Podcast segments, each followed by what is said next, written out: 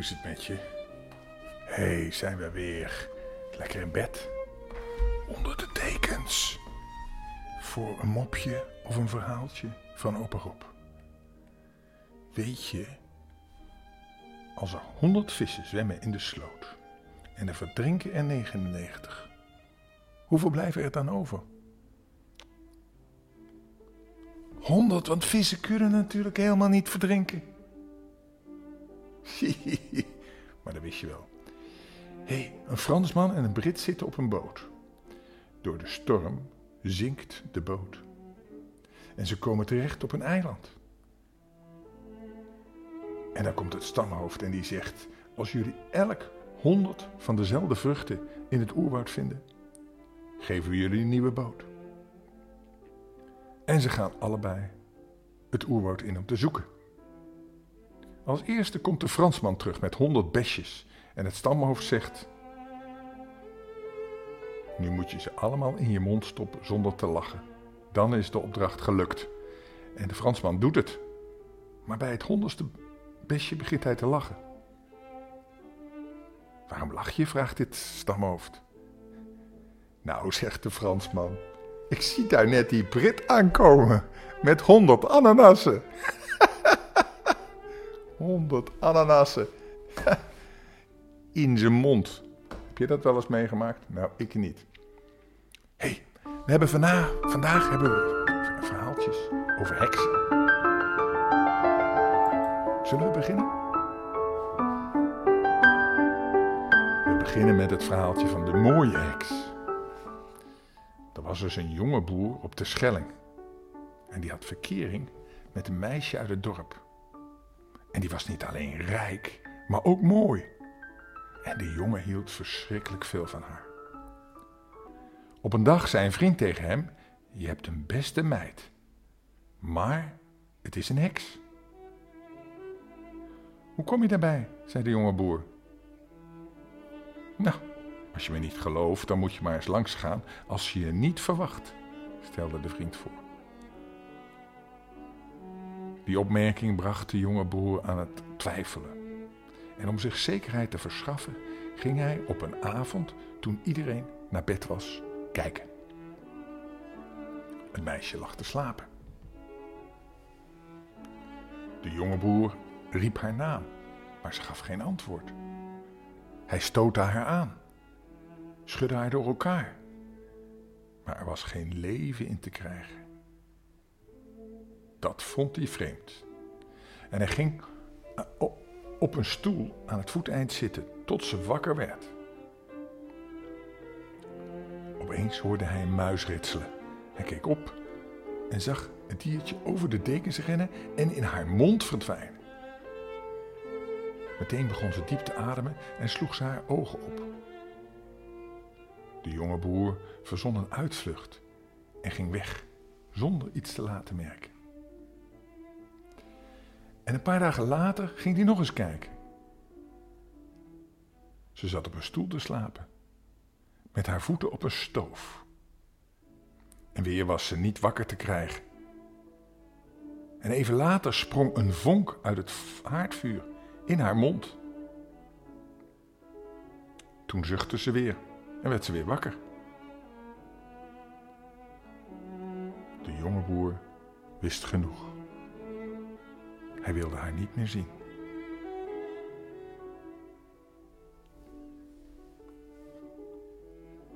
Hij denkt nu dat ze toch een heks is. En dat vindt hij wel eng. En daarom wil hij niks meer met haar te maken hebben. Dan hebben we nog een verhaaltje over heksen. Heksen op de koffie. Meneer Meijermans was schrijver. Hij schreef al heel lang verhalen over heksen en kabouters en iedereen was dol op zijn verhalen. En zijn grootste fan was nog wel zijn poes, Wips. Meneer Meijermans las, als hij een verhaal af had, altijd zijn verhaal voor aan Wips. Wips wist zeker dat meneer Meijermans geen leugens schreef. Hij moest het wel zelf gezien hebben, want hij wist alle details. en Wips was trots op zijn baas. Want niet veel bazen, veel, veel poezen hebben een baas die heksen en kabouters kent en erover schrijft. Op een avond lag Wips lekker in zijn mandje en Meijerman zat te schrijven. Ineens werd er op de deur geklopt. Nog voor Meijermans kon opstaan om open te doen, vloog de deur open en stonden er ineens twee kleine heksen in de kamer. Ze hadden een bezem onder hun arm. Meneer Meijermans trok wit weg in zijn gezicht en de heksen zeiden: Zeg, we willen je eens even wat zeggen. We zijn het zat dat je zoveel onzin over ons vertelt. Al die verhalen, die slaan helemaal nergens op. Wat was de schrijver bang? Hij kroop onder de tafel en zei: Ga weg, ga weg. Hij was heel bang. Nu snapte Wips wat er aan de hand was. Zijn baas wist helemaal niks over heksen en kabouters. Hij had het allemaal verzonnen. En nu waren de heksen natuurlijk boos geworden. De heksen gingen nog niet weg. En om meneer Meijermans nog een beetje extra te pesten, kropen ze bij hem onder de tafel. Gezellig hè, Jutte? Zo met z'n allen onder de tafel, zei de ene heks tegen de ander. Nou, dan moet die meneer wel luisteren. Zullen we maar eens beginnen dan, Julla? Begin jij dan maar. Dan ga ik even een kopje koffie zetten in de keuken. Ik heb wel dorst gekregen van al dat vliegen. En Jutta kroop onder de tafel vandaan en Jula ging meneer Meijermans vertellen wat allemaal niet waar was. We eten geen spinnenweb, pannenkoek. En zeker eten we geen jonge man lammetjes. Hoe kom je daar toch bij? We dansen op feesten nooit de heksenpolka, maar de heksenwals. Dus dat wil ik ook nooit meer in een van je boeken zien. Toen kwam Jutta uit de keuken terug. Hij heeft niet eens keutelbonen koffie, alleen maar gewone. Die lust ik niet, zei ze, een beetje verontwaardigd. Ze kroop zonder koffie weer onder de tafel.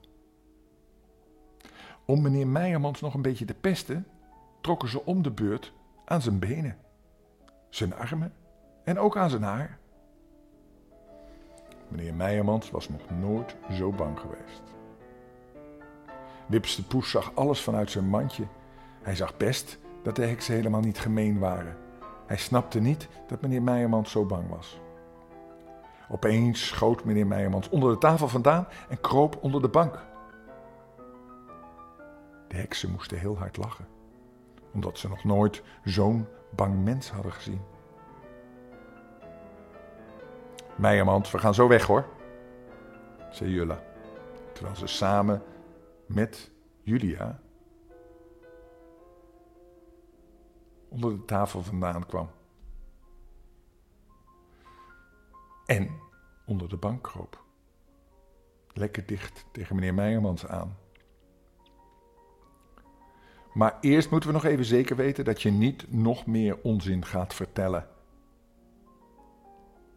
Meijermans stamelde dat hij dat beloofde. De heksen waren tevreden en lachend kropen ze onder de bank vandaan. Ze pakten hun bezems en weg waren ze. Wips kroop onder de bank waar meneer Meijermans nog steeds lag te bibberen, bibberen van angst. Goh, wat moet je nou gaan schrijven? vroeg Wips aan zijn baas. Wips, kun je praten? vroeg Meijermans verbaasd. Dat had hij niet geweten. Weet je wat, zei Wips, als je nu eens goede poezenverhalen ging schrijven, dan kan ik je mooi helpen. En dat was een goed idee. Vanaf toen maakte meneer Meijermans de mooiste poezenverhalen. En de heksen waren er ook blij mee. Ze zijn in ieder geval nooit meer op de koffie geweest.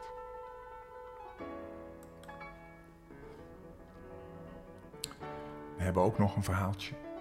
Dat heet De Derde Visser. Twee mannen uit Wijk, dat is bij Maastricht, spraken eens af om s'nachts te gaan vissen. Met de lange sim. Ze kwamen overeen dat ze naar het papenwater water zouden gaan. En het papenwater, waar dat in de Maas uitkwam. Ze vergaat helemaal dat het de nacht van zaterdag op zondag was.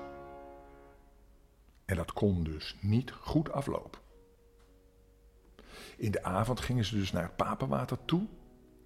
En daar vonden ze een puntje. Dus een bootje waar de mensen, maar de boeren hun mest en hun groenten mee overvaren. Een puntje, een soort puntertje. Ze besloten dat puntje te gebruiken. Ze stapten erin en gingen dicht bij elkaar zitten, zo ongeveer in het midden. En de een wierp zijn sim naar de ene kant uit en de ander naar de andere kant. En zo begonnen ze te vissen. Ik denk dat een sim een hengel is. En een puntje is een langwerpige boot waar je in kan zitten en roeien. Of punteren. Of met een boom jezelf vooruit duwen. Nu, daar zaten ze een paar uurtjes te vissen. En ze vingen zo af en toe wat. En ze hadden voor niets anders aandacht dan voor een hengel. Maar toen keek een van de twee eens op en zijn blik ging toevallig langs de punt van de boot en toen zag hij iets. Hij schrok zo dat zijn hart in zijn lijf bijna stilstond. Hij schoof met een schok wat opzij. Het bootje wiebelde. En de ander keek eens naar zijn kameraad om. En daar ging zijn blik ook langs de kant, langs de punt. En wat hij daar zag, dat maakte meteen asgrauw in zijn gezicht.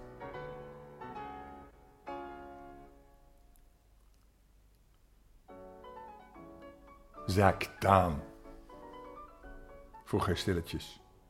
Ziet u dat ook? Dus dat is, hé, uh, hey, kijk dan, zie je dat ook?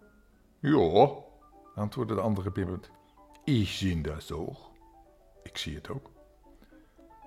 Ze wilden nu allebei opspringen en er vandoor gaan, maar het was of ze met touwen op hun plaats waren vastgebonden. Ze konden het niet. Waar waren ze zo van geschrokken? Voor in het puntje zat een derde man te vissen. Die hadden ze eerst helemaal niet gezien. Die was er echt niet, beslist niet, toen ze erin kwamen. Maar waar kwam die vandaan? Hoe kwam hij in die, dat bootje? Hij had toch langs hen moeten gaan om op zo'n plaatsje te komen. En ze hadden niets gezien of gevoeld. En het puntje had niet geschommeld of zo. Dat was niet pluis. Doodsbenauwd zaten ze naast elkaar. Ze durfden zich niet te verroeren. Ze voelden dat ze beet kregen, maar ze verroerden hun engel niet. Hoe het hun ook aan het hart ging om de buit te laten ontsnappen.